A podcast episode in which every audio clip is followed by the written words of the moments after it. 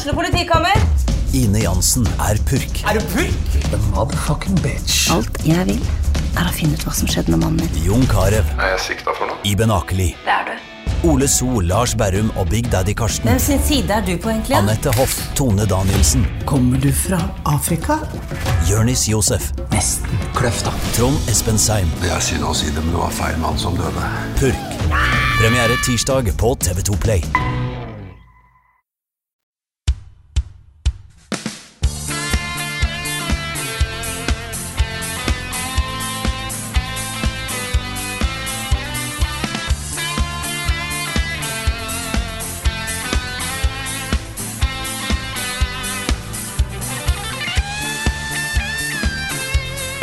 Hallo, alle sammen, og velkommen til en ny episode av podkasten Level Backup. Denne uka er vi live på Twitch. Oh my god. Det er publikum. Det er publikum. Vi har live publikum. live publikum som er Altså, når vi har live podkast foran folk, så kan dere høre det, men nå eh, kan vi bare se de i vår, eh, vår flotte Twitch-chat. Med meg i dag har jeg Karl Martin Hogsnes, Runefjell Olsen og Jan Martin Svens. Hallo! Hallo. Hei, alle sammen. Hei, alle sammen. dag, Litt av en dag. Ja, vi fyller jo åtte år som indieselskap akkurat i dag, 15. februar. Mm er Åtte år, altså. altså. Jeg hadde aldri trodd at jeg verken skulle starte eget selskap eller drive det i åtte år. Nei, det, én. to ting jeg ikke hadde trodd at skulle skje i mitt liv. Mm. Ja, nei, det, er, det er smått utrolig å tenke på, altså. Eh, og det vi, Jeg vil jo si at eh, grunnen til at vi fortsatt eksisterer etter åtte år, er ca. 30% at vi eh, brenner for dette. Og, og det, det er, nå er vi på riktig sted i livet, liksom. Det er dette vi har lyst til å holde på med. Eh, selv om man tjener kanskje litt mindre enn vi ville gjort andre steder i verden og sånne ting. Men det, det, også det å stå opp om morgenen og jobbe med level up er liksom Det er fortsatt drømmen, da. Men 70 er jo at eh, vi gjennom disse åtte årene har hatt eh, helt utrolig støtte via Patron. det, altså det er ikke den eneste inntekten vi har, eh, eller har hatt, men uten den så hadde vi faktisk ikke eksistert. Og det er, eh, blir jeg litt rørt av å tenke på, egentlig. Det er, eh, det er noe litt sånn fortsatt, syns jeg, inspirerende med den derre Kickstarter-Patrion-greia. At det er mulig å liksom skape ting med sånn folkevilje, som ikke det var før. Mm. Mm. Så det, Ja, det er, det er. Norge er et lite land. Det å ha smale nisse- nisjesatsinger i Norge er ikke så lett. Uh, og det er massevis av de aller beste innholdssatsingene i Norge er jo støtta av staten, f.eks. Via kulturmidler og, og sånne ting. Montasj, f.eks. Filmnettstedet Montasj. Um, eh, det har ikke i nærheten av stort nok publikum til å ha, at det er kommersielt lønnsomt å drive det med den staben de har. Um, mens de har staten, så har vi Patron. og kanskje snart staten vi skal prøve å søke litt eh, støtte og sånne ting, vi også. Men uh, vi har jo benyttet anledningen da, til å ta en skikkelig fot i bakken. Nå gikk vi ut av samarbeidet med Good Game 1.1 i år. Uh, alle aksjene er tilbakeført til, uh, til oss som jobber i Level Up. Eh, vi eier 100 av selskapet vårt igjen. Og da ble det litt sånn for oss Ja, vi kan fortsette som før, men vi vil helst benytte anledningen til å eh, prøve å gjenoppfinne oss selv litt. Det å eh, se skikkelig grundig på hva er det vi egentlig gjør. Altså hva, hva er innholdet vi lager, hva slags innhold bør vi lage, er det, noe, eh, er det noe vi mangler, er det noe annet vi kunne tenke oss å lage, har vi noen gode ideer som kunne ha tilført Level Up noe nytt? da? Eh, og det har vi brukt nå halvannen måned på å gjøre. Og i dag, da, fra eh, torsdag, så kjører vi en syv dager lang livestream. Tolv timer hver dag i syv dager fra tolv til tolv. Hvor vi da bl.a. presenterer en hel haug med nye konsepter, og ikke minst også masse nye samarbeidspartnere. Så det blir litt informasjonstungt i starten her, for dere som hører på podkasten, men eh, jeg kan nevne litt kjapt. Vi har fått en ny visuell profil, utviklet av Superponni, som er et eh, herlig studio oppe i Trondheim. Vi eh, jobbet sammen også på Kontroll Z, så det er jo de som lagde den utrolig kule introvignetten og Kontroll Z-logoen og sånne ting. Um, og de har lagd en profil for oss med en ny logo, nye farger, ny font, overlays til Twitch, thumbnails til YouTube osv., som nå gradvis kommer til å bare dytte inn i alle våre uh, flater. Og det ser altså så latterlig lekkert ut. Jeg er, har blitt så glad i den nye profilen vår, folkens. Ja, og med en kan jeg åpne og se denne fargepaletten vi har eh, måte fått utforma til oss, og ser alle fargene foran meg, så blir jeg bare så glad. Ja. Fordi det er så mye farger. Nå har vi brukt veldig mye sånn svart og hvitt så langt, og det er utrolig stilrent og veldig kult. Men det er bare å se bare sånn, det er en fin, det er knall rosa farge her, som er bare helt perfect. Mm. Og sammen med noe blått, åh, det er, det er så vakkert. Dette er jo kjempeforskjell fra sånn vi har designa thumbnails og logoer og sånn før. Så jeg, har, Mm. vi jeg har bare sittet i Photoshop og tenkt altså, ja, det er en fin farge, og det er en fin farge. Men det fins jo sånn fargeteori og sånn. Det fins jo sånn, jo sånn kontrastfarger og komplementærfarger og ting og tang som, som ikke jeg har peiling på, men Mm. som disse folka har peiling på. Og så har det vært tidspunkt Vi har jo holdt på med denne prosessen ganske lenge, jeg, jeg og Rune og Carl her nå. Eh, og hatt møte med Superponni og sett på ulike ting. Og det var et tidspunkt der jeg sa hm, jeg er ikke helt sikker på hvorfor har dere gjort akkurat dette her. Og så forteller de all designteorien om hvorfor de har valgt akkurat det. Jeg bare sånn, ja, det gir kjempemening, kjør på. Mm. Fordi de kan det. Ja. Jeg kan jo ikke dette her. Nei, det er, helt nydelig også. Så, så dette er en stor overgang for oss. Og, og så man kan jo si at det viktigste er jo innholdet vi lager, og det er det fortsatt. Mm. Men uh, hvis man bare vet litt om design, så vet man også at måten man presenterer seg selv på, har noe å si. Altså det har noe å si på, for hvordan man blir oppfattet utad. Og det er kanskje ikke så viktig for de som allerede kjenner oss kjempegodt og har hørt på podkasten vår i alle disse årene og sånne ting, og sett på ting på YouTube. Men øh, for andre da, som ikke kjenner oss så godt, øh, potensielle samarbeidspartnere, øh, nye sponsorer, annonsører osv., så, videre, så så har det veldig mye å si. Så tusen takk, Superbonny. Uh, vi har fått en veldig god deal på dette her. Ellers så kunne vi ikke gjort det, men det kommer til å bety så mye for oss uh, framover. Så må jeg nevne kjapt en del av de andre samarbeidsavtalene og tingene som vi har uh, annonsert. Nå Vi hadde jo en time, på en måte litt sånn World Exclusive Press Conference uh, i starten av denne første dagen med streams. Vi har, vi har dekka mange pressekonferanser i vår tid, men det var gøy å Mm. ha en. Ja. Det, det var akkurat det. Ja, Det var en skikkelig pressekonferanse. det var det. Det var ikke så mye presse der, kanskje, bortsett fra oss. Men, Nei, det kan være, det er sant. men det var en konferanse, på en måte. Mm. Ja, nei, jeg var jo i Trondheim på mandag og lagde en reportasje fra Superbonny. Uh, og så var jeg uh, da par andre steder på tirsdag og onsdag og lagde, hadde ferdig produsert videoer og sånne ting. Og en av de tingene er jo at vi eh, blir jo nå offisielt partnere med Redd Barna. Eh, Det betyr i praksis at vi øh, binder oss da, til å ha en årlig innsamlingsaksjon, øh, lik den vi hadde i forbindelse med TV-aksjonen i fjor hvor vi setter opp en skikkelig proff og, seriøs og god innsamlingsaksjon. da. Eh, Sikkert døgnstream neste gang også, vil jeg anta. Level up done quick. Og det er uh, noe vi gjør fordi vi øh, også, Det er kjempegøy å lage alt det innholdet ved det, givende og meningsfullt, av alt dette, men det skjer mange, mange andre ting i verden også som vi er opptatt av, og som betyr noe for oss, og som er viktig for oss. Og i den grad vi kan bidra med noe, så føler vi at dette var den, den beste matchen som finnes. Da.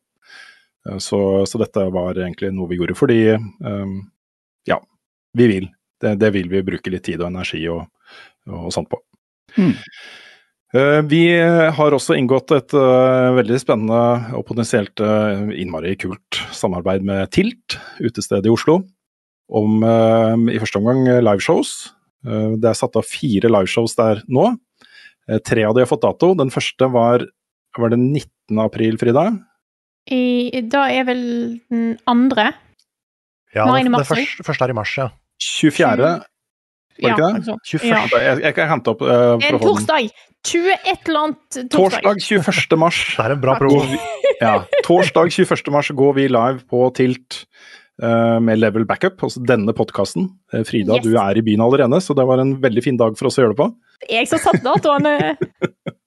Um, det blir en ny Level Backup live den 19. april. Det er en annen Mhm. dato. Du er i Oslo allerede, Frida. Perfekt. Ja, det er en fredag. Mm. Det blir ikke det samme uten Frida, ikke sant? så vi må bare passe på at det passer. Det er ikke fint jeg kan ha jobbturer, Mm. så jeg kan kombinere tingene. Ja, det er kjempebra. Og så er det da, det her gleder jeg meg til. Eh, 4. april, hold av datoen folkens. Da blir det premiere, eller pilot kan vi kanskje kalle det, på en ny podkast slash liveshow. Hvor jeg har fått med meg eh, Jon Cato Lorentzen og Snorre Bryne. Eh, Gamlegutta, liksom, fra Spill, eh, Spill Norge. Eh, og meg selv, da, eh, til å danne kjernen i et nytt konsept som skal snakke om gamle dager. Eh, arbeidstittelen på podkasten er Old Boys. Eh, Vi har også vært innom liksom old school, og det er mye vi kan kalle den. Men dette er mimring og skikkelig sånn derre er gutta på 50-ish som skal se tilbake og fortelle historier og, og ikke sant, gamle dager, gutten min, så Ja. Du, du har ikke nevnt spill ennå, men det er gamle dager spill Gamle dagers spill. Ja, ikke bare så- liksom hvordan det var før. Jeg så det var noen i chatten som for, for det var sa at eh, tittelen ikke helt bestemt. Noen som foreslo Old Gameboys, og jeg syns Ja. den er fin, da. Mm. Dusty Gameboys. Dusty Hva Gameboys. med Gameboys Grey Mm. Mm. Ja. istedenfor Color? ikke sant? Men, Men- ok. Men jeg har jo, jeg har jo hørt da noen av, um, noen av historiene dine fra mange Mm. år som spilljournalist. Ja. Jeg vet at Jon Cato har mange. Snorre har Mm. sikkert også veldig mange. Så dette er en podcast som jeg ser fram til å høre på. Jeg tror, jeg tror dere har mye spennende å fortelle fra, fra liksom E3-er dere har vært på, og fester og ting, ting dere har opplevd. Ja, det tror jeg også. Jeg er jo ekstra glad da, for å kunne trekke Snorre Bryne tilbake fra eh, pensjonisttilværelsen. Og som er ikke pensjonert, men han, han ga seg jo som spilljournalist for mange år siden og jobber med andre ting nå. Det å hente han fram igjen og snakke om gamle dager det kommer til å bli så kult. Det er litt sånn fun fact, men Snorre var jo med eh, Jeg og Snorre dro sammen til Tokyo første gang vi var i Japan begge to. Det var jo der jeg blant annet møtte hun som nå er kona mi. Så vi har, eh, det, det var litt av en tur også. Det var litt av en tur. Så eh, der kommer det også, alt dette kommer det flere detaljer om etter hvert, da. Så vi er det, bare holde av datoene. Så Jo, det har jeg lyst til å nevne forresten i forbindelse med liveshowene. Det vi har lyst til å gjøre, er at de starter med en halvtime eller tre kvarter eller noe sånt, eksklusivt for Patron-backere. Med litt sånn kake og kos og kaffe og at vi bare kan hygge oss.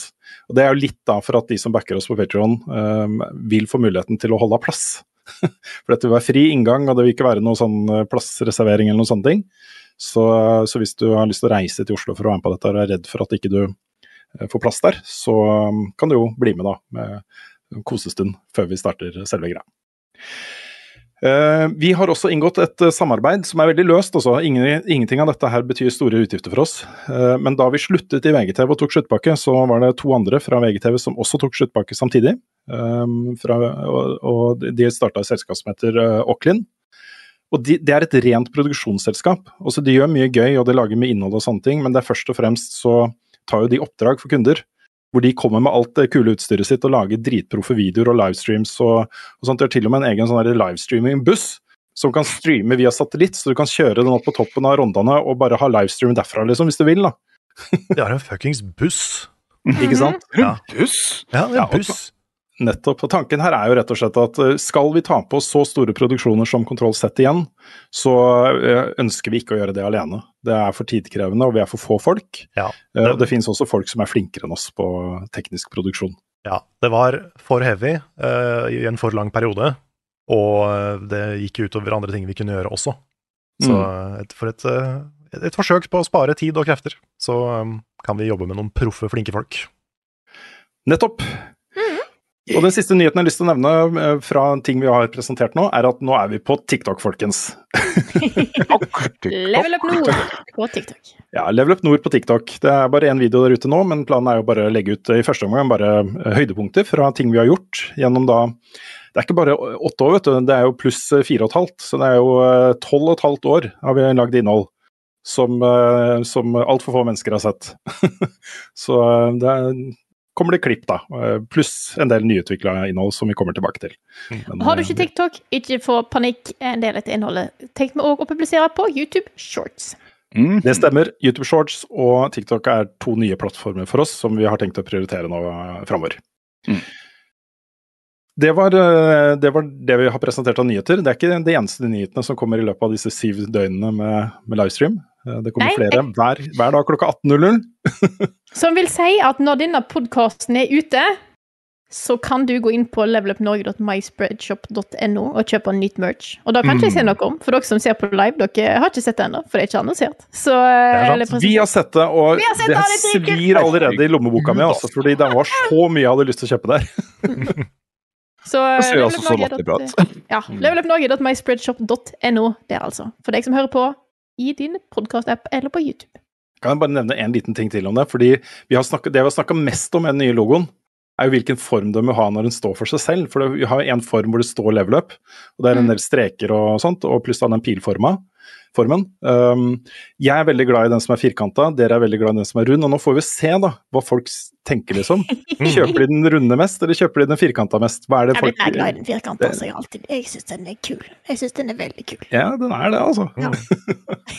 Skal ikke være litt Skal ikke det. Tetris. Skyrim. Destiny 2. The Sims. Edderkoppkabal. Destiny 2. Animal Crossing. Pokémon Cola eller Pokémon Pepsi. Destiny 2. Guitar Hero. Kingdom Hearts Bohemian Boogaloo. Destiny 2. Level Ups spilleliste.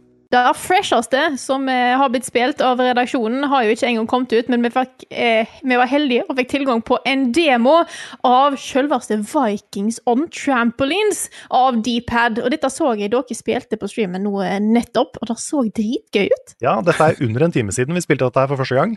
Det vil si ikke for første gang, men denne versjonen av spillet spilte vi for første gang. Ja, for første gang vi spilte For første gang jeg spilte det, er jo, er jo eh, t- nesten 13 år siden. Oi, det kan du se. Det sto jo til og med 'hallo level up' på, Ja. på interscreen. Dette var jo en eksklusiv demo som vi fikk Mhm. til, til oss. Det var veldig hyggelig. Det er ikke så mange sånne vi har fått i vår tid. Mai. Jeg fyrte av en melding til Juremi øh, og bare sa at «He- he- hallo, vi skal ha en skikkelig sånn herre kul start Vi har lyst til en kul start på streamen vår. ukestreamen vår. Hadde det vært mulig å fått en bild av Vikings så vi kunne spilt den en times tid? Og han bare ja, ja, satt ned og herregud, det var jo eh, helt overveldende. At det var så mye innhold der og så gøy. og Masse som folk ikke har sett engang. Jeg har ikke sett noen av de klippene, en del av de klippene som var der, og banene og sånne ting. Jeg var World premiere, altså. Aldri vært ute før. Det var det. Um, Svens, du var jo med å spille. Mm. Det var oss to og Nick. Stemmer. Og vi begynte jo først med det vi har, det vi har sett før da, i Vikings on Trampolines. Det, det er den der gressbanen, og så var det fire trampoliner, og så skal man slå ut hverandre. Litt sånn Bumperballs Mario Party- Party-spill, Ja. liksom. Vertikal bumperball. Vertikal bumperball. Men så kom det bosser, Ja, og det var vi ikke forberedt på i det hele tatt. og da skulle vi plutselig samarbeide. Ja, da, da gikk det fra å være PVP til å bli PVE. Vi skulle mm. ta ut en boss som var, altså Simon i Dpad, en av tidenes flinkeste pixelartister. Ja, fy faen. Det er så nydelig eh, pikselert og animert, dette spillet. Og det var i hvert fall tre bosser vi fant mm. i den eh, demoen vi fikk. Det var, eh, det var en sånn her statue som hoppa, og så var det en svær fisk, og en fugl som, skulle, som hadde en sånn kork som du kunne liksom hoppe på for å ta. Stemmer. Og det, det er jo gøy. Det var jo bare Vi spilte i ca. en halvtime, tre kvarter. Mhm. Og det var jo bare kaos. Sånn herlig, herlig party-kaos. Det var skikkelig Mario Party Energy. Veldig, veldig Mario Party. Liksom blanding av Mario Party og Smash, Ja, ja.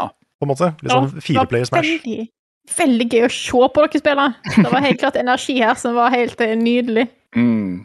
Og vi måtte jo bare lære mens vi spilte. Og det var power-ups. En som bare... det. gjorde, gjorde deg til en veldig svær, tjukk viking. Som eh, hadde én svakhet, og det var øks. Så det er litt sånn stein, saks, papir på power-ups også. Mm. Mm. Hvor du, eh, du kan få en power-up og bli veldig sterk og slå ut de andre, men da kan de også kontre med en annen power-up. Og det, det er så sånn enkelt design. Du har, du har bare styrespaken, det er det eneste du har. Ingen andre knapper du gjør noen ting med. Men så har de gjort så mye ut av det. Mm. At det er masse forskjellige levels. Du har, du har en vindmølle hvor trampolinene gikk på vindmølle. Mm. Og så var det et tårn hvor de roterte. Og et vikingskip hvor liksom skipet underveis, veldig sånn Smash Bros. stage, ble knust og satt sammen igjen og sånn. Og så var det berg-og-dal-bane. Og berg-og-dal-bane, ikke minst. Som kjent fra vikingtiden. Mm. Ja, ja, ja. Mm. Jeg lagde masse berg-og-dal-baner i vikingtiden. Ja, du gjorde det? Mm. Jeg, ja. Ja. Ja. Jeg lagde, Jeg mest, jeg lagde mest sånne høye tårn med tra trampoliner montert. Mm.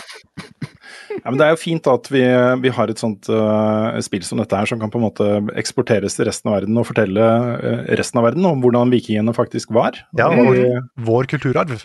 vår kulturarv. Mm. Så, så dette her uh, kommer til å bli kjempebra, altså. Men jeg syns det, så, jeg synes det så helstøpt ut. Det er sånn litt vanskelig å forestille seg at et helt spill med vikinger som hopper på trampolina, kan være gøy. Men øh, det, det så ut til å fungere og ha lang levetid, også. Det som mm. vi så på det dere spilte. Jeg syns de, de nailer det som tidlig PopCap naila. Mm. med, med Peggle og Vikings on Trampolines Nei, og Plans vs. Zombies. Mm. Med at de har et konsept som egentlig er veldig enkelt, kanskje to knapper, liksom, og så skal du gjøre en ting. Og så bare utforsker de den ideen ganger 100. Mm. Alle måtene det er mulig å gjøre denne ene enkle tingen på, gjør de, liksom. Ja. Og det er så, det er sånn kult spilldesign. Jeg er veldig spent på hvordan den storymoden kommer til å se ut. Ja. For det skal være en story mode òg, ikke sant? ja. I et Det kan hende at det endrer det, vi, vi vet jo ikke, da. De, de sa at de planla en campaign. Ja, men det sto Men- på, på menyen på den vi fikk, så sto det det, campaign. ja. Det var bare å kryss over. Ja. Jeg har også fått en melding fra Uremi hvor han anbefalte oss å teste fotballmodusen. Fikk dere testa den? Oi, Nei. det gjorde vi ikke. Det så jeg ikke at det var en option. Han, han skriver at, uh, at uh, dere kan gå tilbake til stage select fra en match ved å trykke på backspace. Ja. Hvis de får muligheten til det, bør du nesten sjekke ut det også. Hvis det blir litt jeg kan være med mulighet eh, senere i dag, for jeg tror eh, kanskje vi har et lite opphold. For jeg tror ikke Celeste, som vi skal spille etterpå, er kjempelangt, så da kan vi teste litt mer. Ja, det kan være. Mm. Det er kult. Mm, mm. Ja, Ellers så kan jeg eh, ja, jeg prøver å finne ut hva mer eh, Jeg satt og tenkte på hva jeg spilte i det siste, og nå har jo jeg endelig fått testa Final Fantasy 7 Rebirth-demoen. Stykker. Hva syns du, Frida? It's so good. Og det so mest fordi good. at den, delen av storyen er så gøy. I know. Uh, jeg, måtte jo, jeg måtte jo dra meg Altså, jeg Nå har jeg spilt uh, først uh, remake, og så spilte jeg hele originalen, og så visste jeg hva del av originalen som skulle være med i demoen. Så gikk jeg til mannen min og sa at hei, du har ikke spilt dette her, men dette er en ganske kul del av storyen, vil du være med? Så jeg dro jo med meg Petter. Så han Ja. så på hele demoen, og sånt, og etter da så måtte vi se videre av historien eh, derifra. Eh, for det skjer jo litt eh, kule ting i det, for, i det første spillet. Det gjør det. Så jeg er så sinnssykt gira på å fortsette videre eh, i det spillet. Eh, and I can't wait. Nice. Mm. Nei, men det, jeg, jeg gleder meg. Jeg gleder meg så til altså generelt alt som har med Rebirth å gjøre. Men jeg gleder meg til å snakke, med det om, eh, snakke om det med deg og med Nick, hvis du spiller det, Rune. Så du også, selvfølgelig. Og Mm. Svens, hvis du skal spille. Bare det der, jeg gleder meg til å ha spoilersamtaler om Rebirth og om Ja. Final Fantasy 7. For det er, så, det er et så morsomt univers å bare oppdage på nytt. På den måten. Mm. Ingen av oss Mhm. vet hva som kommer til å skje. Ingen av oss vet om de kommer til å være trofast mot historien herfra. Nei. Det er sånn der eh, Det er en sånn skrekkblanda fryd i, i det remake-prosjektet nå. Som, eh, Ja, vi får se hva de har funnet på, disse galningene. I can't wait. Jeg kan også skyte inn en ting, hvis det er uh, if ifra meg. Gjerne. Fordi eh, det kommer jo eh, litt mer innhold rundt dette her etter hvert. Såpass kan jeg tise, men jeg har gjenoppdaga Pokémon, den fysiske Pokémon Trading Card Game. Fant Ja. fram mine gamle, gamle decks. Jeg hadde fire stykker lå, som lå i en sånn um, i en sånn boks. Som jeg spilte med. Aldri mye, men litt. Da jeg var sånn 14. Og jeg har spilt litt mer nå. Mm. Tok, tok en runde med Svens. Mm. To, faktisk. To runder. Vi fant ut at et, et dekk var kanskje litt bedre enn det andre. Så, men, men det var, det var sånn instant-kos mm. å bare lære det spillet på nytt, og spille noe fysisk for en, for en gangs skyld. Mm. Det er sjelden jeg får satt meg ned med brettspill og kortspill og sånn, men det er jo faktisk veldig moro. Veldig hyggelig. Jeg har også spilt med, med Marte, Oh. Litt, grann, og det er faktisk et dekk av de jeg hadde, som klarer å slå det ene som var OP. Oh, shit. Så det, det, Så det er et enda OP-ere dekk. det er eh, potensialet for en rematch, hvis du er, Wow. hvis du er med, Svens. Of course. Kanskje, dere, kanskje vi kan lære dere andre reglene også, så kan vi ha sånn turnering. Ja. Mm. Men, eh, men nei, det var, det var veldig gøy å oppdage det på nytt. Og stay tuned for litt, eh, litt video rundt opplevelsen. Nudge, nudge, wink, wink. Har, har du spilt noe nytt, uh, Svens? Har du, er det noe du har lyst til å snakke om? Ja, jeg har jo det. Eller jeg har ikke spilt noe nytt per se, men uh, uh, disse folka i Blizzard da, vet du, de har jo funnet ut at uh, seasons er noe som skal bli introdusert i World of Warcraft også. Mer bestemt klassisk, så det har jo jeg mista livet mitt litt til. Hmm. Igjen. Det kommer det opp stadig en sånn der um, Marty logger på i, i, i Battlenet-beskjed på skjermen min her. Skjønner, skjønner ikke hva du prater om. og det er, øh, det er veldig hyggelig, og det er Oi, sorry. Det er litt ekstra gøy for en som har uh, spilt det før. Jeg spilte jo WoW ca. et halvt år etter det kom ut. så jeg har jo vært med siden begynnelsen. Og det å nå se de eh, rett og slett freshe opp den gamle Altså, de har rett og slett gjort en rebirth. Mm. Det føles som det gamle spillet, men de introduserer akkurat nok nye ting til at det føles helt fresht. Så det, med at de har funnet en gyld med veldig, veldig veldig fine folk, det har gjort at det har vært en veldig sosial og kjempekoselig opplevelse så langt. Mm.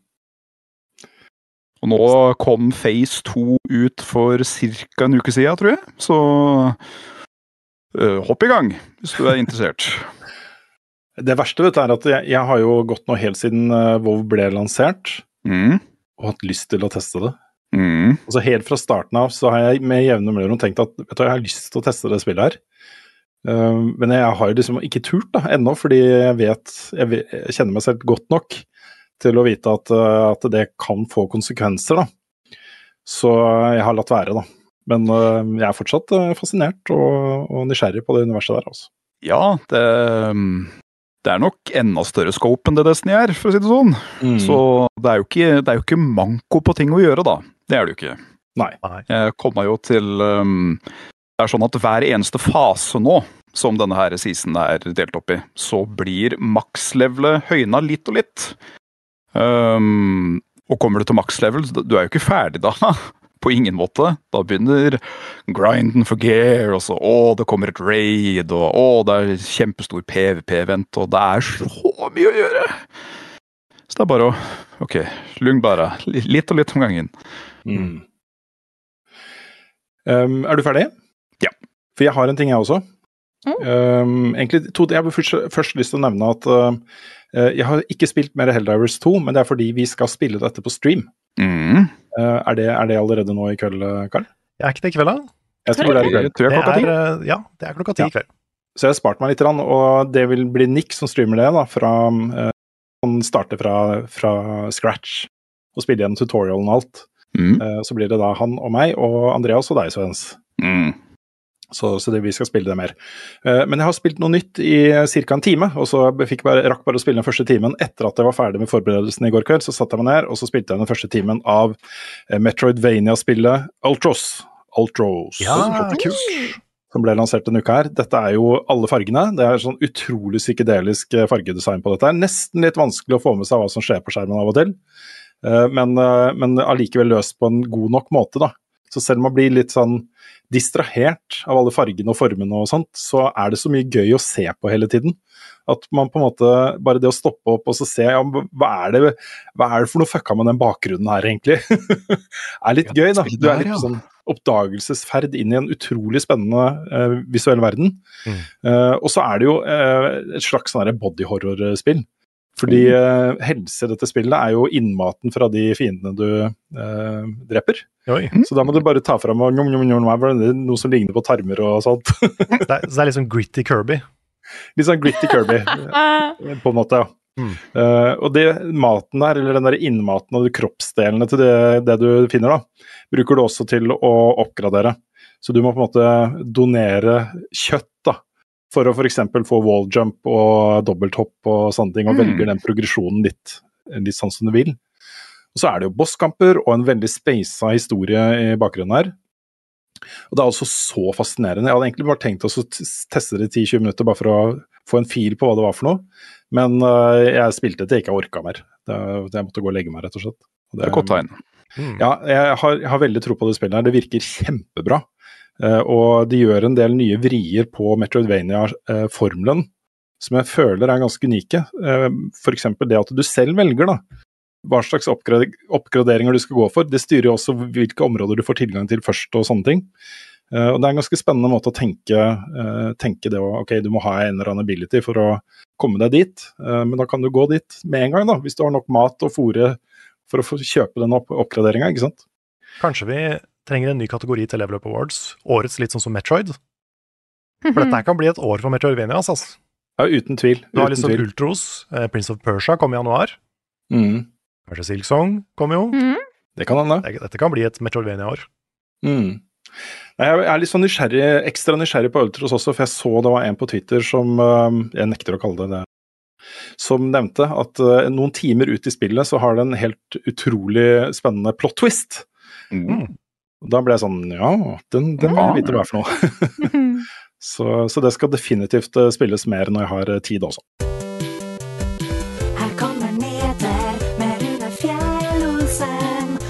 Han er ikke hår. Ok, første nyhetssak er med, hvis eh, det ikke kommer så mye mer enn eh, dette her eh, på Microsofts store The Future of Xbox podkast nyhetsannouncement-greie seinere i kveld, eh, også etter at vi spiller inn dette her.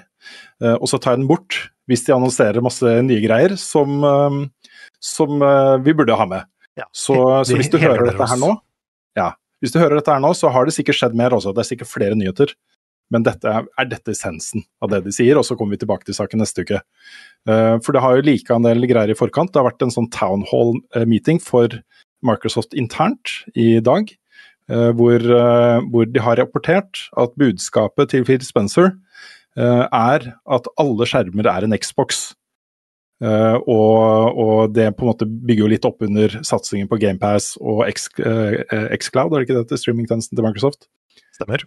Ja, øh, og at det, det er liksom plattformuavhengig. Men han har også sagt at de fortsatt er committed til å lage spillmaskiner. Eh, og da er, går det masse rykter om at kanskje de skal annonsere da, en håndholdt eh, spillmaskin. eh, at neste Xbox blir det. Men det kan jo også bety at uansett liksom, så kommer de til å produsere maskiner som har Xbox-navnet. Eh, men det kanskje at det da ikke er hovedsatsingsområdet deres. Og Det vi er spente på nå, da, foran denne, denne eh, greiene nå i kveld, er jo alle disse ryktene om at sånne spill som Starfield, uh, Hi-Fi Rush, Gears of War, Halo osv. også nå kan komme på PlayStation. Eller Nintendo. Mhm.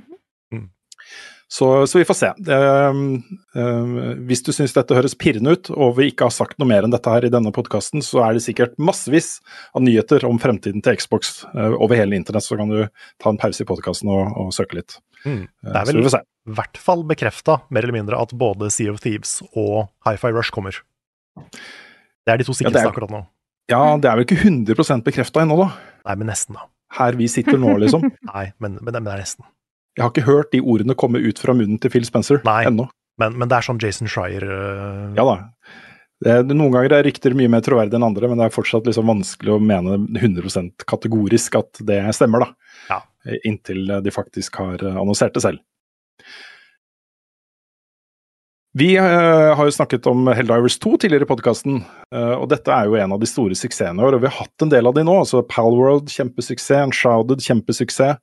eh, og Helldivers 2 definitivt. Det har vært den største PlayStation-lanseringen på PC noen gang. Gått forbi God of War, gått forbi The Last of Us, alle de tingene, også de PlayStation-utgitte spillene som har blitt gitt ut på PC. Eh, Dette er den største suksessen Sony har hatt eh, til nå. Og jeg har jo spilt det litt og syns det er dritkult. Jeg vet det er mange andre jeg kjenner også som syns det er helt hysterisk festlig å spille. Uh, og det de sier nå, da, er at de er liksom på desperat jakt etter flere folk. De må ansette flere for å kunne fortsette å utvikle dette spillet her videre. Uh, de har også sagt at dette spillet aldri vil få PVP. Det er, er på en måte en veldig grei beskjed å gi til nye fans, ikke sant. At dette trenger dere ikke å etterspørre, dette trenger dere ikke å håpe skal komme. Vi bare sier med en gang det kommer ikke. Så hvis det eh, er noe du ikke syns er kult, så vet du det. Så kan du la være å dedikere all tiden din til å bygge opp bilds builds og sånne ting. ikke sant? Så, så jeg gleder meg til å spille mer. Vi øh, kommer stadig tilbake til øh, morsomme uttalelser fra Ubisoft. Uh, toppsjefen i Ubisoft, Yves Guimot, har vært ute og forsvart eh, prisen på Skull and Bones. Da må jeg nevne at eh, vi skal jo også spille det seinere i streamen. Eh, jeg gikk ut og kjøpte det i dag, og eh, det var nesten 1000 kroner for standard edition. Fy faen. 1000 kroner. for- Jeg fikk meld tekstmelding fra kortselskapet mitt som lurte på om det var meg da, som hadde prøvd å bruke de pengene. Ja, det er litt for dyrt, Yves Guillemot. Ja. Nettopp. Um, men han sier da at uh, jo, jo, det fortjener å koste så mye, for dette er jo ikke et trippel A-spill, det er et firedobbelt A-spill. Ah. Ja. Vilja. Det er sånn Mhm. Du kunne prøvd. Nei, du kunne prøvd å dra den med GTA 6, kanskje, Ja. Kanskje, kanskje, men kanskje. ikke, ikke, ikke, ikke Skull and Bones. Nei, Altså, poenget er at dette har jo en shop eh, så, med greier du kan kjøpe for ekte penger. Også du kan kjøpe in game valuta for ekte penger her også. Masse ting du kan bruke penger på. I tillegg til at det koster 1000 kroner, da, minst nesten 1000, av 980 eller noe sånt. Er det vanlig versjon eller premiumversjon? Det er standardversjonen. Standardversjonen på PlayStation 5 kosta 900 og et eller annet kroner. 86 eller 68 eller noe sånt. Det er møkkete. Så, um, så um, vi får se, da. Det, det følte, jeg må innrømme at det har fått litt sånn blanda mottakelse. Jeg er litt usikker på om det var penger jeg er komfortabel med å bruke, men uh, nå har jeg gjort det. Og vi skal teste det. Men følger det med noe, var det da, eller var det bare okay. Det, det står bare standard edition. Ja, nei, så. Det er to versjoner, deluxe edition og standard edition på, på PS5. Mm. Det var de, de, de to, to jeg kunne velge mellom. Det var en eh, voldsom PlayStation Tax på, på det spillet. Det vil jeg Ja. tro. Vi eh, er jo fryktelig spente på hva Ubisoft eh, gjør da, eh, med sine store serier, og kanskje først og fremst Assassin's Creed. Der har de et par eh, ganske friske satsinger på vei. Den første er det de, bare kaller nå Red, Project Red, som skal foregå i, Japan, fø- føydaltiden i Japan. Mm. De har nå vært ute og sagt at det blir, blir lansert før april 2025. Og det jeg er mest spent på med dette spillet, er egentlig hvor mye inspirasjon de har henta fra type Tears of the Kingdom og Elden Ring eh, i sin åpen verden-tilnærming. Fordi de har jo hatt i de siste spillene det de kaller adventure mode, eller et eller annet, jeg husker ikke. Eh, hvor du har muligheten til å selv da, skru av HUD og skru av ikoner på kartet og bare utforske ting som du vil selv. Um, vanskelig å velge den hvis du vet at du kan få litt, uh, litt mer informasjon om hvor du skal gå ved å skru på de ikonene. Men det finnes jo en mellomting her, hvor man kan bruke mer tid på visuell historiefortelling og vis visuelle hint da, i miljøene for å lede deg i riktig retning. Mm. Så jeg, det er litt spent på den, altså. Det, det er en mulighet for de til å, til å gjenoppfinne Assassin's Creed-formelen litt, dette her. Og så en uh, trist uh, nyhet. Sånn er det jo når eh, spillmediet begynner å bli gammelt, uh, og det fortsatt er folk som eh, er med. Har vært det i mange tiår. Um, Yoshitaka Murayama, som er da skaperen av Sukoden-serien, har nå dødd. Han har dødd. Um, det kom da en beskjed fra den nye studioet hans, som heter Rabbit and Bear, hvor de sa at han eh, hadde vært syk lenge, og at eh, han til slutt da um, ikke klarte mer. De har jobbet med spill som heter um, Ayuden Chronicle 100 Heroes, hvor de sier også at hans arbeid med det spillet Han er jo manusforfatter og uh, veldig anerkjent for det. Uh, hans arbeid med det spillet er ferdig, da, så de er nå 100% innstilt på å um, hedre hans minne ved å lage et så bra spill uh, som mulig. Var hennes best, hvordan fredag sist har Carl egentlig sopp? Ukens spørsmål. Spørsmål- og svarspalten i dag den kjører vi live på Twitch. Eh, så vi svarer på spørsmål eh, litt sånn etter hvert som de kommer inn. Og vi har fått inn en del spørsmål nå, og vi begynner med litt sånn spekulering, som alltid er gøy. Mm. Det er fra Jansson, som skriver Kan vi spekulere litt? Hva tror dere Bluepoint jobber med? Mm. Det går. Bloodborne remastered. Det hadde ikke gjort noe, det. Det hadde ikke det. Jeg, jeg tør ikke å håpe på noe mer jeg nå, når det gjelder Bloodborne. Men Eller, jeg, jeg tør å håpe, men ikke forvente. Mm. Nei, det var jo det var jo rykter i en periode om at de jobba med både en remastered og en oppfølger som de skulle lage. Wow. Om det var noe hold i de, vet vi ikke. Det, vi, det har vært stille siden da, så Det høres for godt ut til å være sant. ja, kanskje. Altså, så lenge Miyazaki er involvert i en oppfølger, så er det greit for meg at Bloodborne på en måte setter den sammen. Ja, ja, ja. Nei, at Helt klart. Bloodborne, at Blue Point setter den sammen. Surrer mye med ord i dag. For Demon's Souls var toit. Demon's Souls var ganske tøyt. Men også, eh, bare så lenge de gjør noe med From Software, er jeg happy. Fordi Mm. det hadde vært eh, fett med en også, Vi har fått en remastered versjon av Dark Souls 1 allerede, men tenk deg en remake Mm. av Dark Souls 1. Hadde også vært ganske kult, altså. Hadde vært ganske kult. Mm. Ellers så har det gått rykter om andre ting òg, sånn som eh, Legend of Dragoon. En, eh, en klassiker fra PlayStation 1. Mm. Veldig kult å få en remake av, av det. Mm. Veldig apropos ingenting Eller jo, det er apropos, siden vi nevnte Bloodborne. Men eh, det er jo faktisk et fanprosjekt nå, som har dessverre fått en sånn NDA. Men det blir jo en spirituell Bloodborne kart snart å spille. Det gjør det. Mm. Yes. Jeg lurer på Jeg hvor jo- mye de må endre på. Ganske Jeg har mye, sett tror jeg. noe av det. Jeg har sett eh, eh, endringen av eh, Hva er eh, Hva heter den der løken med the, the cage on the head? Mikolasj? Ja, Mikolasj, ja. jeg har sett hvordan de endrer han. Ja. Eh, jeg, eh, du kan se hvor det kommer fra, eh, og det er gjort på en litt festlig måte, da jeg så i hvert fall. Okay, Så jeg tror kult. de må endre litt på sånn karakterer på den måten, men du kan, du kan fortsatt se eh, hvor det kommer fra. Nice. Det skulle jo egentlig komme ut eh, allerede, så det var jo Mm. et, Men jeg, jeg er spent på å se eh, Ja. hva den gjengen har å Det ser kjempegøy ut. Ja. Det jeg egentlig også kunne tenkt meg en remake av, er Ico. Mm. Mm. Og det er, eh, der må du være litt varsom, også, fordi det er en del av den estetikken med det spillet som er litt fordi det er PS2-grafikk. og så Den gjør seg veldig godt, men det er litt sånn um, enkle uh, formene og sånne ting. Så de kan ikke gå for langt med det. Eh, de kan ikke dra den for langt inn i sånn herre og alt skal være så lush. og sånt, men, eh, men det spillet fortjener på en måte en, en, en, eh, ny vår, da, tenker jeg det å på en måte ta vare på det spillet på den måten hadde vært eh, veldig fint også. Skal vi ta neste spørsmål? Mm. Ja. Har du sett et, Carl, du ville ta?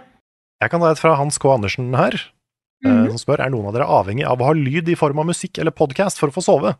Selv må jeg ha podkast på øret, så jeg har hørt alle episodene av Saft og Svele hundrevis av ganger, sier Åh, det blir så hyggelig, da. Jeg òg er avhengig av uh, noen form for lyd når jeg skal sove. Jeg har jo eh, flittig brukt sånn ASMR ganske lenge. Uh, og sånn uh, bare, bare lyden av regn. Jeg har et klipp uh, bokmerka på nettleseren her som er sånn ti timer med regn på, på taket av en bil. Og det er sånn åh, deilig. Det fikser ikke stillhet. Jeg hadde det altså, da jeg var yngre, ganske ung, da hørte jeg mye på musikk og sånt før jeg la meg, gjerne på en måte eh, Før og i dag jeg sovna. Men da har jeg slutta helt med. Da jeg, jeg, vil, jeg vil helst ha det så stille som mulig. Jeg har ikke pleid å ha på lyd, men hvis jeg ved et uhell har liksom hatt på en stream eller podcast og lagt meg inn på sofaen, skal det ingenting til for at jeg sovner. Mm. Så det kan hende det egentlig funker, jeg har bare ikke gjort det noe særlig. Mm.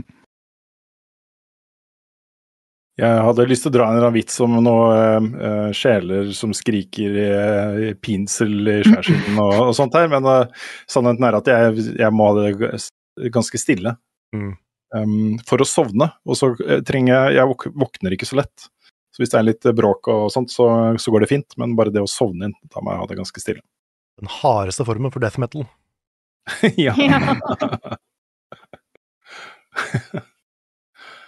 Jeg eh, tar et spørsmål her. Ja, Gjør det? Fordi det på en måte er litt til meg. Det er fra Black Mars som spør kommer det flere årets beste spill fra 2023-liste på YouTube. Eh, og nå er det jo på en måte min som gjenstår litt her. Eh, og jeg kan si jeg glemte å si det i stad. Eh, nå har jeg fullført Cocoon i tillegg. hei! For et spill! Holy shit! Det er bra. Eh, og med det så er egentlig lista mi ferdig. Mm. Eh, det det går på, er tid. Eh, så jeg er litt usikker på eh, i hva form den videoen for meg kom til å bli, eh, om jeg får lagd den. Men eh, på et eller annet tidspunkt vil dere uansett få høre min topp ti-liste, selv om det bare skulle bli en liten eh, Kanskje et segment i podkasten, eller en video. Det får vi se. Det er kult. Mm. Jeg har et spørsmål her. jeg har et notat. Alle, alle tingene er der. Så det er Nice. Jeg har et spørsmål her fra Rolfs. Hva var det aller første dataspillet dere spilte? Dataspillet? Eller spillet? Mm. Pong, pong, pong, pong. Rune vinner alltid. Ja, Alltid det. Jeg vant. Vant. Brostenes. Jeg tror det er Sonic 1. Mm. Mm. Ja, vi hadde mine, mine første spillopplevelser var jo liksom sånn helt i starten her, fordi eh, jeg kjøpte jo en brukt Pong-konsoll av naboen. Oi. Eh, snakker rundt 1980, slutten av 70-tallet kanskje. Eh, og de neste tingene jeg husker er jo Game Watch, eh, hvor jeg hadde den der hvor jeg skulle fange folk som hoppet ut av brennende bygninger, var den ene. Mm. Og så hadde jeg Donkey Kong Junior, hadde jeg, og så hadde jeg en til et eller annet something, husker ikke helt. Så hadde jeg fryktelig lyst på den eh, ordentlige Donkey Kong da, med to skjermer. Men den fikk jeg aldri råd til å skaffe meg, så, så den måtte jeg bare låne av andre. Så er det en jeg lurer på det var Karoline, jeg husker ikke uh, nå i farta, som sendte meg den Donkey Kong uh, Game Watchen. Åh. Det, gjerne gi det til kjenne i chatten, fordi det, det var en ting jeg satte utrolig pris på. Og har kost meg veldig med. Det, det er helt sprøtt at de fortsatt funker, syns jeg. Bra, bra kvalitet. Mm. Skal Absolutt. vi se. Har du et eh, spørsmål, Carl? Hvis ikke skal jeg prøve å finne det som jeg hadde her i stad. Skal vi se. Uh, jeg kan ta et kjapt et fra The Real Andy Sandy. Har noen av dere spilt Like a Dragon Infinite Wealth? Jeg syns det er knall. Jeg, eh, ikke ennå, tror jeg, noen av oss. Men jeg har fått med meg at det er bra, og jeg skal spille det forrige spillet, Yakuza 7, skal jeg spille på stream denne uka her. Det er For, for å catche opp til Infinite Wealth. Mm. Nice. Jeg ser vi har fått et spørsmål der jeg egentlig trenger litt musikk, Carl. Oi, ja. Just yeah. gi- give, me, give me a sec. Yes. Just give me a sec. Da kaster jeg deg litt ut på uh, Tynisa med en gang, vet du. Jeg vil se, ja, men dette går bra. Ja, ja. Så jeg bare gjør sånn, og så gjør vi sånn. Ukens Sin4. Det har starta opp et AS-firma her i Norge som skal satse på speedruns og streams for veldedig formål. Hva er deres tanker om det? Veldig kult. Ja, det er jo en kjempe, kjempegod idé, selvfølgelig. Um, det, er sånn, det er sånn, Jeg vet jo ingenting om verken personen som står bak, eller hva, hva ambisjonen er, eller noen ting, egentlig. Uh, men går ut ifra at modellen er Games on Quick, uh, og tanken er sikkert da å få til et norsk event, eller kanskje et nordisk uh, event, jeg vet ikke. Vi har jo flere norske speedrunnere. Eh, Mm. Vi har vel en eh, som er fantastisk god i geogesser, har vi ikke det? Har ikke han Jo. norsk? Jo, jo, jo. Så det er jo noe kult. Og jeg tenker, litt sånn uavhengig av det AS-firmaet, som jeg ikke vet noe om, jeg tenker da at hvis en klarer å få litt mer fokus på det norske speedrun-miljøet, og kanskje på en måte bygge opp noen ting for å lage et fellesskap der, uansett om det er dette firmaet som gjør det, eller noen andre, da er jo kjempegøy. Mm. Eh, nå vet jeg at på en måte, De fleste speedrun-miljø er jo veldig lukka i hver sine sirkler, som er veldig naturlig. Eh, fordi at det er ikke alltid så mye en kan snakke mellom hvis du speedrunner Super Mario, originalen og GeoGuessr Eh, men allikevel, da. Skape et slags eh, community rundt det, eller et event rundt det. Eh, for å kanskje skape mer oppmerksomhet rundt norske speedrunnere. Da tenker jeg er en veldig kul ting. Mm. Helt enig. Mm. Til og med vi har snakka om at det har vært kult å ha et uh, norsk uh, speedrunning-event. så så det, er, en veldig god idé. Det er en veldig fin måte å vise fram spillkultur på, egentlig. Uh, Mm. Fordi det er både innmari gøy å se på, uansett hvor mye du vet om spillet som speedrunners før eller ikke. Så, så er det morsomt. Du skjønner at dette er prestasjoner på et litt annet nivå enn det du er vant til fra før. Og det blir ofte veldig god underholdning av det. Og så er det jo veldig mange hyggelige mennesker i speedrunning communities rundt omkring. Så, så det syns jeg er en god idé. Men uh, som sagt, jeg vet ingenting om, uh, om personen bak, uh, og sa hva satsingen egentlig er. Uh, For alt jeg vet kan det jo hende at det bare er en, en tredjepart, og så uh, at det er noen vi vet kjenner godt til som har starta dette. Jeg vet ikke. Og nå hinter jeg ikke om at det er oss også. Jeg hinter ikke om at det er oss. jeg, kan, jeg kan bekrefte at det ikke er oss. så ja. Jeg har et eh, spørsmål her fra Carl Drogo, Ja. som um, spør da Skull and Bones ligger an til å få en noe blandet mottakelse basert, basert på den åpne betaen. Dersom dette skulle vise seg å bli den floppen mange tror det blir, vil Ubisoft dedikere seg til å snu skuta, pun intended, Mm. slik vi fikk se med No Man's Sky, og så ser noen lenger ned nevner Cyberpunk 2077 som et annet eksempel på det. Altså, det er egentlig det jeg er mest spent på med lanseringen av Skull Bones, fordi eh, den har jo hatt mange lukka betaer og testperioder og blitt utsatt mange ganger. Det har kommet rapporter om misnøye på teamet, og folk som har testa det som sier at eh, de skjønner ikke hvordan de skal få dette til å bli gøy. Eh, men nå har de satt datoen. altså De, har, de lanserer spillet nå. Det kommer midnatt. Natt til eh, fredag lanseres det. Eh, og folk har spilt det. Og det jeg har sett, da, er at det er blanda mottakelse. Jeg har sett både folk som digger det, og som er fullstendig hooked, og som ikke klarer å slutte å spille. Og jeg har sett folk som sier at det er dritkjedelig. Så eh, nå er jeg egentlig bare mest innstilt på å gjøre meg opp min egen mening om det spillet her. Eh, og det, Eh, Det fortjener det uansett, selv om jeg syns, syns det var litt dyrt. Um, og det blir en test for Ubisoft på uh, om Hvis de har et team som føler seg ferdig med Skull and Bones nå, og syns de har fått uh, har jobba nok med det, så kommer de til å slite med å holde det oppdatert. Fordi du trenger den der entusiasmen for å bygge noe. Eh, den må være til stede i en organisasjon for at det skal bli vellykka. Eh, de må virkelig brenne for å gjøre det til det spillet de har lyst til at det skal bli. Um, og da tror jeg de får lov. Jeg tror de får lov til det av Ubisoft. Ja, da er jo Ubisoft De har jo egentlig eh, litt sånn track record med å ikke gi opp spillene sine. Mm. Sånn eh, flere av de der um, Hva heter alle de Tom Clancy-seriene? Men, men de Division, for eksempel. Division, ja. Men også de eh, som ikke er med mor. Hva tenker jeg på? Fireplayerspillet. Uh, Ghost Recon. Ghost Recon Mm. har de eh, oppdatert masse, og For Honor eh, var aktivt lenge. Mm. Så akkurat der syns jeg de er ganske flinke, på ikke bare stenge ned ting med en gang. Mm. Ja, jeg er enig, og det er eh, Jeg er veldig spent, altså. Rainbow Six var det jeg tenkte på. Takk, eh, Magnus Mm. eh, Gura. Mm.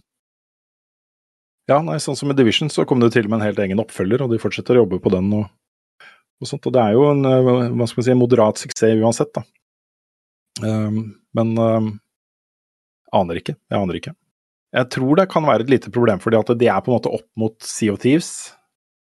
Eh, selv om dette er med mer realistisk gra grafikk og kanskje mynta på for en litt eldre målgruppe og sånne ting, så har det allerede et, eh, et, et utrolig bra sjørøverspill der ute.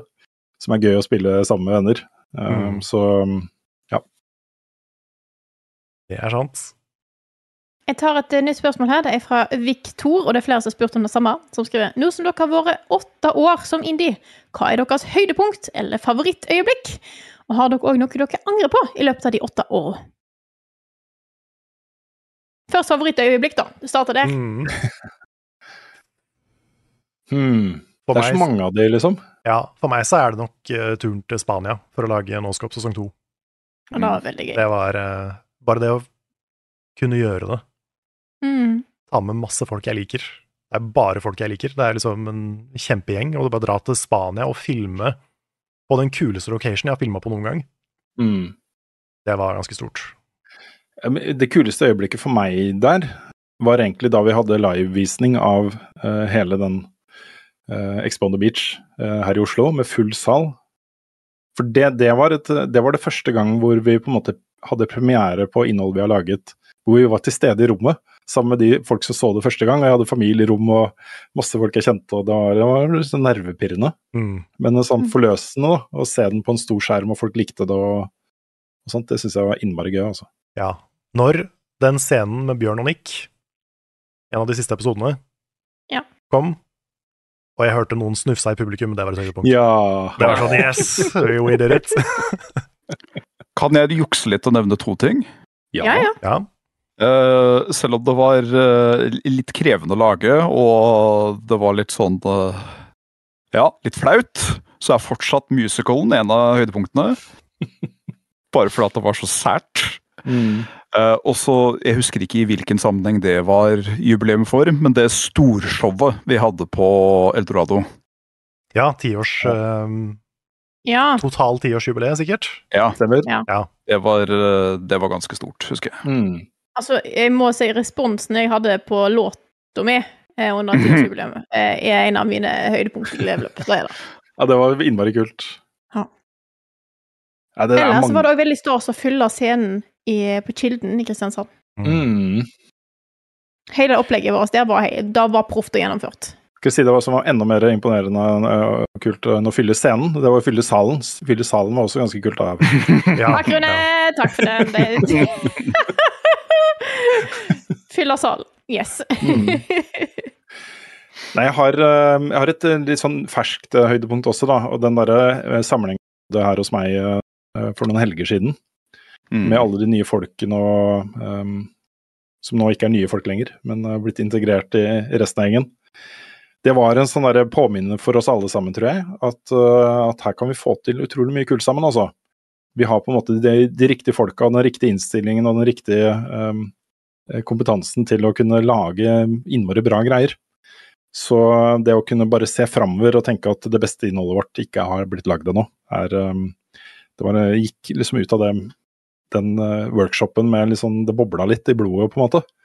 Mm. Der er, jeg veldig stolt av det, altså. At vi har var- den gjengen der. Det var en veldig hyggelig kveld, men jeg har liksom følt på den energien i etterkant. Mm. Det var så mye hype, og det var så mye kreativitet, at uh, jeg tror dette blir bra, jeg. Mm. Kan jeg ta et sånn delvis relatert, det er jo en stretch, da, men det er litt, sånn litt relatert, jeg syns det er viktig å, å ta det opp. Det er fra Mhm. Hexhowl. Ja. Hello. eh, som spør Jeg har hørt flere tenke at dere kan virke litt griske med deres Patron-streams og pengemengden dere trenger. Hva tenker dere om det? Jeg mener jo selvfølgelig at dere ikke er det, og at dere bare skal prøve å fortsette å være så fantastiske som dere alltid er, men jeg kan forstå de andres synspunkt om dette. Dette er jo en sånn innvending vi har fått hele veien, og som vi også syns, vi syns det er litt vanskelig å gå ut og på en måte be om penger. Mm. Um, det ligger litt langt inne, liksom. Det er, det er ikke noe vi lett gjør, Nei. det å stå og be om mer penger. Um, og jeg må bare få sagt til alle at det er ingen selvfølge at vi skal eksistere. Og det tar vi ikke som en selvfølge, og vi har ikke krav på de pengene. og det er ikke noe sånn um, vi, Hvis folk ikke er interessert i å, å bidra til at vi skal eksistere, så forstår jeg det 100% Det er uh, ikke i våre hender i det hele tatt. Uh, det som er budskapet vårt, er jo at hvis hvis du liker det innholdet vi lager, og du syns det er fint at vi eksisterer, og at vi fortsetter å lage et innhold, og kanskje til og med satse mer, kanskje har liksom nok til å eh, gi Andreas og Tanja og eh, Leander og de andre mer å gjøre, så er dessverre situasjonen sånn at det er ikke så lett for oss å bare hente inn de pengene andre steder. Bare gå og plukke de fra et tre, liksom. Det, eh, det krever en del, da. Eh, og Norge er et lite land, og vi er en liten satsing. Vi er nisje. Vi har eh, bare 35 000 eh, følgere på YouTube. Um, Podkasten vår har liksom 7000 lyttere i uka ca. Og det er på en måte ikke mye nok da, til at vi kan gå ut og bare hente de pengene som eksisterer der, for de går til så mange andre ting. Så, så dette er på en måte det formatet som sørger for at en redaksjon som vår kan eksistere. Det er uh, at uh, de som forbruker innholdet, er med på å betale for innholdet. Og vi ser jo det. Um, det er donasjoner, og det er valgfritt, og alt innholdet vårt er fritt tilgjengelig. Du velger selv hvor mye du skal betale for. Vi ser det jo som brukerbetaling, egentlig. Fordi pengene går direkte til å betale lønn, og vi kan ikke lage dette her uten lønn. Vi hvis vi skal prioritere å lage innhold til level up, så må vi ha betalt. Det, sånn er det bare. Alt koster penger. Jeg har leilighet, og jeg må spise mat, og barna mine må spise mat, og, og sånt. Så, sånn er det. Sånn er det bare. Det vi har prøvd å åpne på, er hva level up faktisk koster. Eh, og da er ikke det at vi må ta oss råd til Ja, det koster dette her for vi skal ha kjempedyre ting. Det, det er det det koster å lage denne typen innhold. Mm. Eh, og det er jo Det at vi har vært så åpne om disse summene òg, er jo òg Det er kanskje ikke alle bedrifter går jo ikke ut og forteller hei, dette er så mye vi trenger nå for å fungere.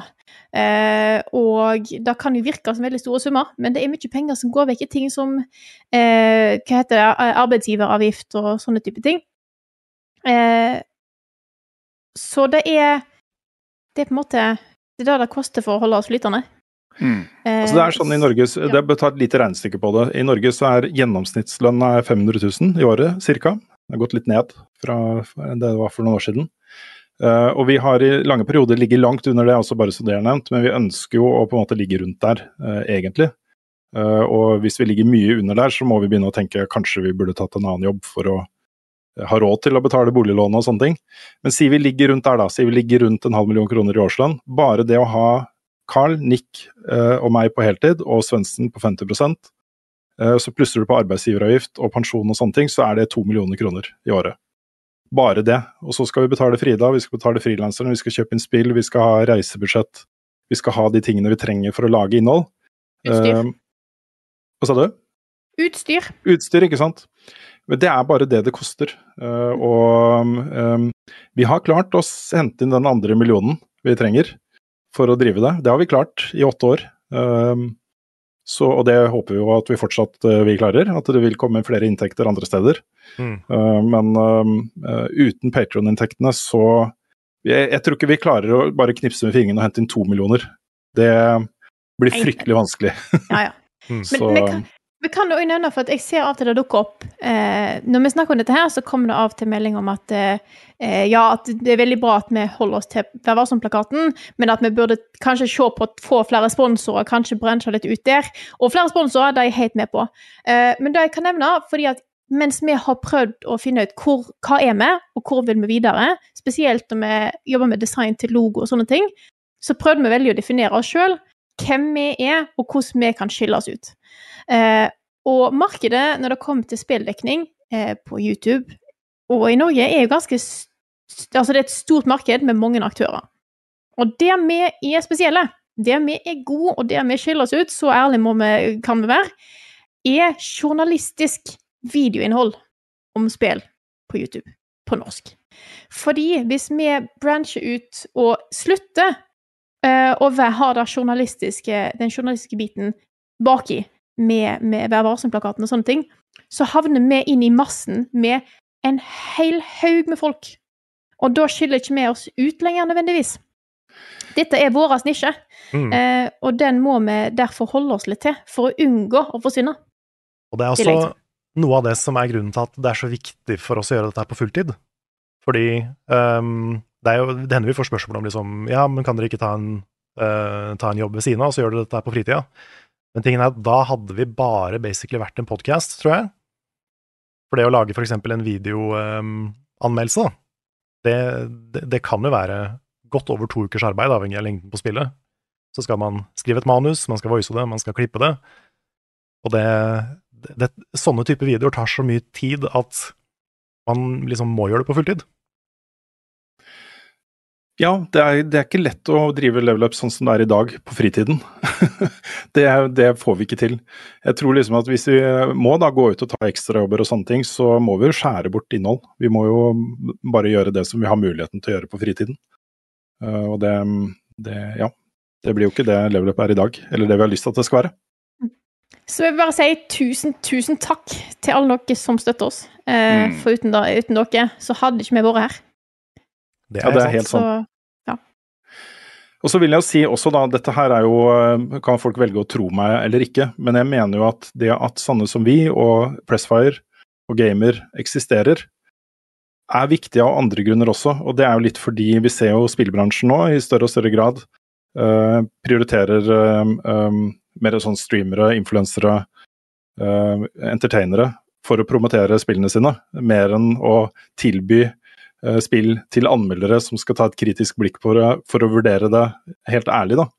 Eh, Og vi har sett tilfeller av avtaler hvor, eh, hvor eh, man får veldig tidlig tilgang til spill, og så må man da enten, enten direkte via en avtale eller litt sånn um, handshake love å ikke være for streng da, med spillet, ikke sant. Um, det å ha folk som ikke er avhengig av, eh, av inntekter fra spillbransjen, og ikke gå med på um, eh, sånne non-disclosure agreements som hindrer de å si sin oppriktige, ærlige mening om spillet, er viktig. Det er viktig for alle medier. Og film og musikk og spill og TV og alt, liksom.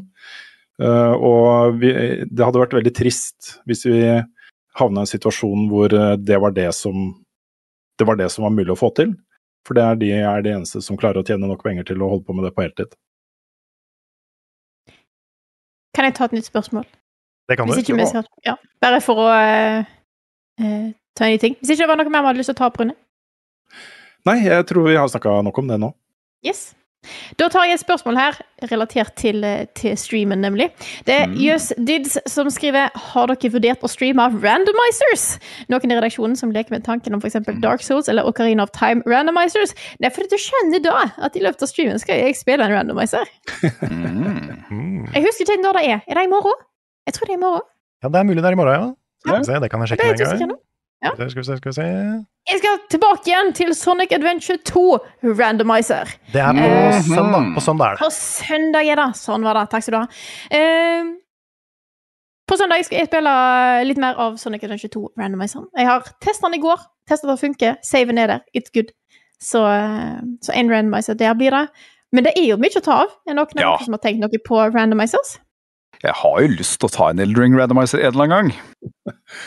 Kaoset der eh, kan bli ganske stort. Vi kunne ha bare streama Eldring hele uka, tror jeg, med liksom hvor mye gøy Probably. Probably.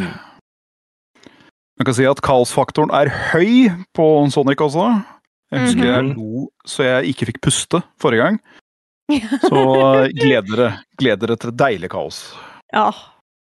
Chaos control er det Chaos vi control. holder på med deres. Jeg har også um, en periode trent meg opp i å speedrunne eh, Kingdom Hearts 2-randomizeren. Oi! Og jeg har kommet ned rundt tre timer. Oi. Eh, fordi den er, den, har liksom, den er litt spesiell, men, uh, så det er mulig å gjøre det ganske fort. Men uh, hvis jeg plukker opp det igjen, så er det gøy å streame det. Imponerende. De er ganske funky, de Kingdom Hearts randomizerne.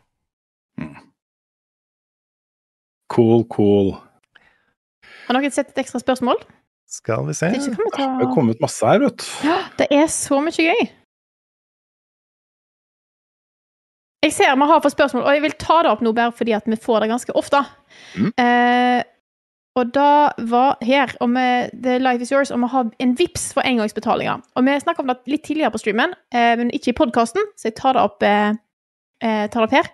Vi vurderer å få til VIPS som betalings, alternativ betalingsmåte, eh, i tillegg til Patreon. Eh, det er litt lettere, det er norsk. Eh, en slipper andre problem. Eh, der er det litt oppsett for å få det i gang, men eh, vær klar for at vi er, på plass der.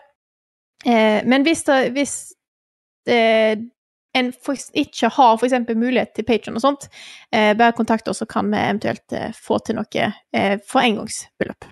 Vi har Vi har en Vipps-konto. Vi har en Vipps-konto. Jeg vil bare be folk om å sette opp, hvis man har, absolutt vil gi på Vipps, sette opp donasjon eller noe sånt i forbindelse med den, eh, det beløpet. Sånn Skriv at, donasjon eh, i melding. Skriv donasjon. Så, um, så Det har med skatteting å gjøre, er det ikke det? Moms. Moms er det, ikke skatt. Skatt skal vi alltid betale, for da må du alltid betale. Du må alltid betale skatt. Yes. Men uh, moms, moms, vet du. Men det er jo et regnskap som egentlig skal gå i null, da. Eh, Ja. Det er veldig spesielt eh, opplegg. Du betaler eh, moms for ting, og så får du moms for ting du fakturerer ut. Og hvis, det, hvis den summen ikke er i null, hvis du har betalt mer moms enn du har fått tilbake, så får du penger tilbake av staten. Mm. Jeg så også et Skal vi se, hvor var det? Det var fra Jo, Dogtag. Um, det som er rart, er at spillbransjen genererer enorme vanvittige summer hvert eneste kvartal. Det må jo være et hav av reklametilbud. Tingen er, Det er ting vi konsekvent sier nei til. Ja, det kommer hver uke flere tilbud om å spille. Det er jo særlig eh, Star Trek Fleet Command og Rage Shadow Legends. er Shadow de Legends. det kommer jevnlig da, tilbud om å spille. Men det, for det første så er det ikke så mye penger. Nei? Det er, det er mye hvis du er en, hvis du er en uh, solostreamer som, uh, som uh, har det som en del av inntekten, så kan det være en grei sum, liksom. Eller hvis du har eh, 10 000 eh, personer innom streamen din, så kan det også bli en del penger. Mm. Men for oss, det hadde vært så lite, skal vi selge sjela vår for det, liksom? Jeg tror Mm. ikke det. Nei, og så er det noe med at hvis vi begynner å ta imot penger fra spillbransjen, så blir vi så mye mindre Altså, stemmene våre blir så mye mindre verdt. Da, Mm. da kan man ikke lenger stole på at det vi sier, er det vi mener. Og da, da mister vi mye av grunnen til at vi fins. Ja, altså Dette her er ikke ment som noe shade mot, uh, mot uh, nerdelandslaget, men jeg har lyst til å nevne det allikevel. Fordi de har jo kjørt noen sånne lanseringsfester for uh, Nintendo-spill, blant annet. Og ingen problemer med at de gjør det, uh, i det hele tatt. Det er, jeg har ingen grunn til å ikke stole på meningene til nerdelandslaget i det hele tatt. Men vi har jo valgt å ikke gjøre det. Vi tar ikke imot den type penger fra spillbransjen for å gjøre den type ting. Uh, og det, det er mer sånn Hvis man først bruker Vær varsom-plakaten som en, en grunnpilar i en redaksjonell satsing, så havner man i en, en ganske kinkig situasjon hvis man uh, inngår på en måte den type kommersielle avtaler med spillbransjen. Da. Mm. Um, jeg bare nevner det som et eksempel på ting vi kunne ha gjort. Vi har jo fått tilbud om å lage content marketing f.eks. For, for eh, spill. Vi har fått tilbud om å da spille, spille ting for penger. Og vi sier jo bare konsekvent nei til alt. Det kan hende at vi er litt vel strenge på det, men jeg er litt glad for at vi er det også. Jeg syns det er um, um, jeg synes det er fint. Ja, bare, sånn, bare mens vi har spilt inn denne podkasten, her, så har det tikka inn en, en, en reklameting til oss på Instagram. Ja, nettopp. Det kommer jevnlig. Ja. Det gjør det.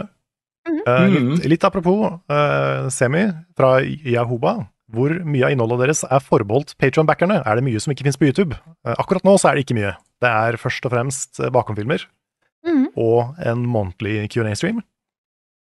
som er på Patron. resten så kommer alt ut offentlig. Det er noe, en av de tingene vi har snakka om og vi skal jobbe med, da. Så um, stay tuned. Men jeg tror at alt grunninnholdet vårt, alt som kan defineres som det er dette innholdet vi lager, vil være fritt tilgjengelig i overskuelig framtid. Mm. Mm. Kan jeg ta et spørsmål fra Black Marsh? Yes, Det kan dere.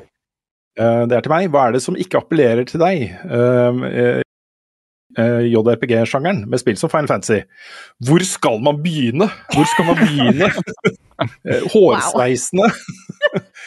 Nei, altså, jeg Ja er, jeg er uh, Først og fremst da, det som gjorde at jeg ikke ble så engasjert i den fra starten av, var eh, turbasert slåssing.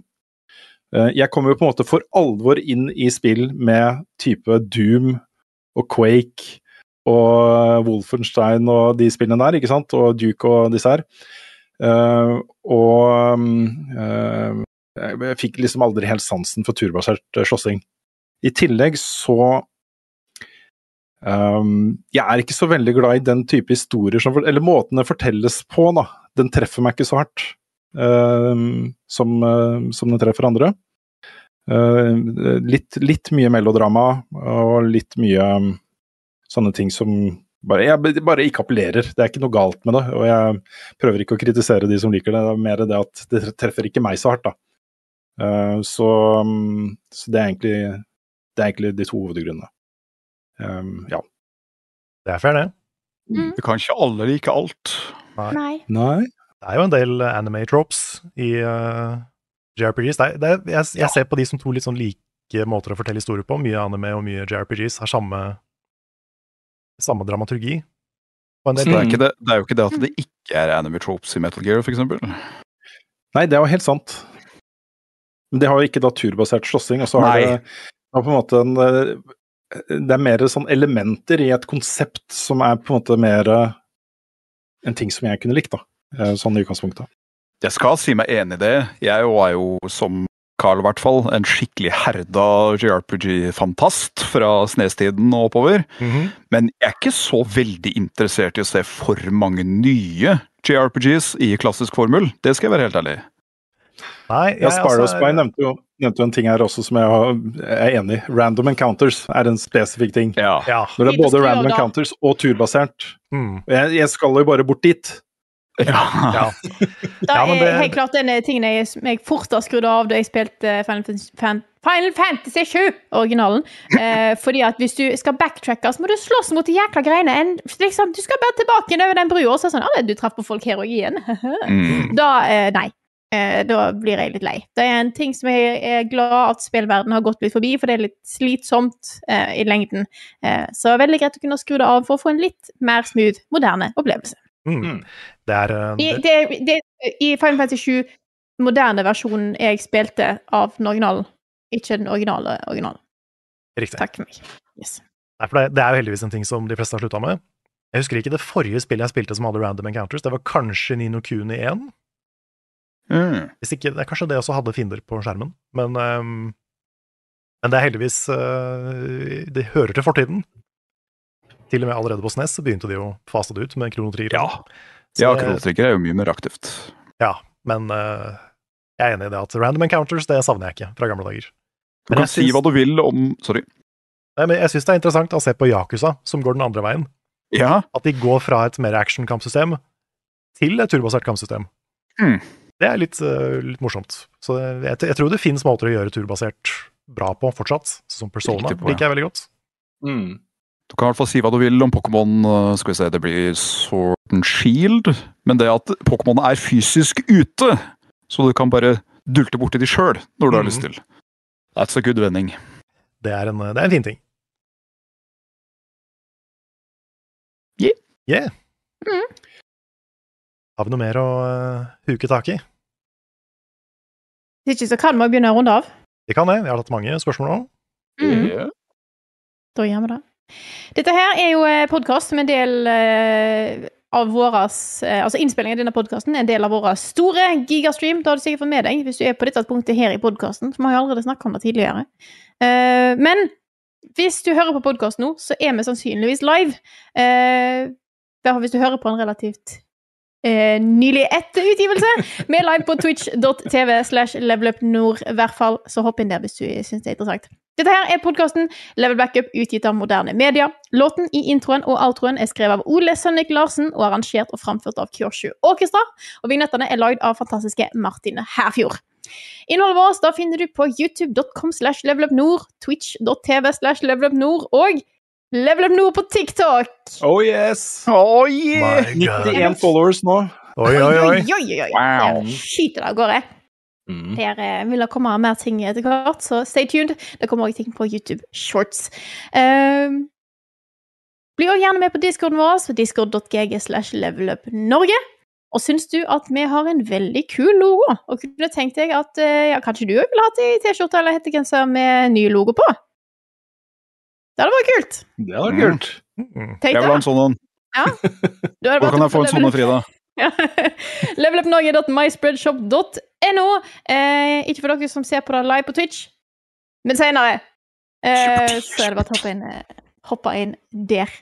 Eh, og hvis du liker det vi lager, og syns at eh, det vi lager er kult Kanskje du syns at noe av det vi har vist fram, og så langt i streamen virker stilig, og du har lyst til å være med på å støtte oss, så vi kan produsere de tingene som vi snakker om under streamen nå så er det bare å gå på patreon.com slash levelupnorge og støtte oss der. Der har vi nå flere eh, nye patron eh, Ikke tears, men nye patron-mål som vi ønsker å nå. Det var sånn det var. Eh, med Ja. masse eh, nytt, gøy innhold, nye spillpodkaster, eh, nye serier. Nå har vi et mål som er pinup-kalender. Den er faktisk Mhm. nå er sagt at nå skal vi lage den. Mm. Hvis vi når det. Den har jo vært en sånn ting vi har snakket om i årevis, på tull. Og nå står han der i klartekst. Fy fader. Sammen med et level up musikkalbum. Ja. Mm. -hmm. Der, er- der er det mye klassikere vi kan hente fram oss. Så eh, ja, hopp inn der. Eh, tusen takk til alle som støtter oss. Dere er fantastiske folk. Vi hadde ikke klart dette uten dere, så thank you, thank you. Tusen takk. Tusen hjertelig. Takk. Og med da så runder vi av denne podkasten her for denne gangen. Vi snakkes igjen eh, neste uke, så da er ikke noe problem. Og, kanskje, og snart, i mars-april, så blir den podkasten òg live på Tilt. Så følg med, folkens. Eh, nå prøver jeg å finne ut hvordan jeg vanligvis eh, avslutter den her. Jo! Vi snakkes neste uke.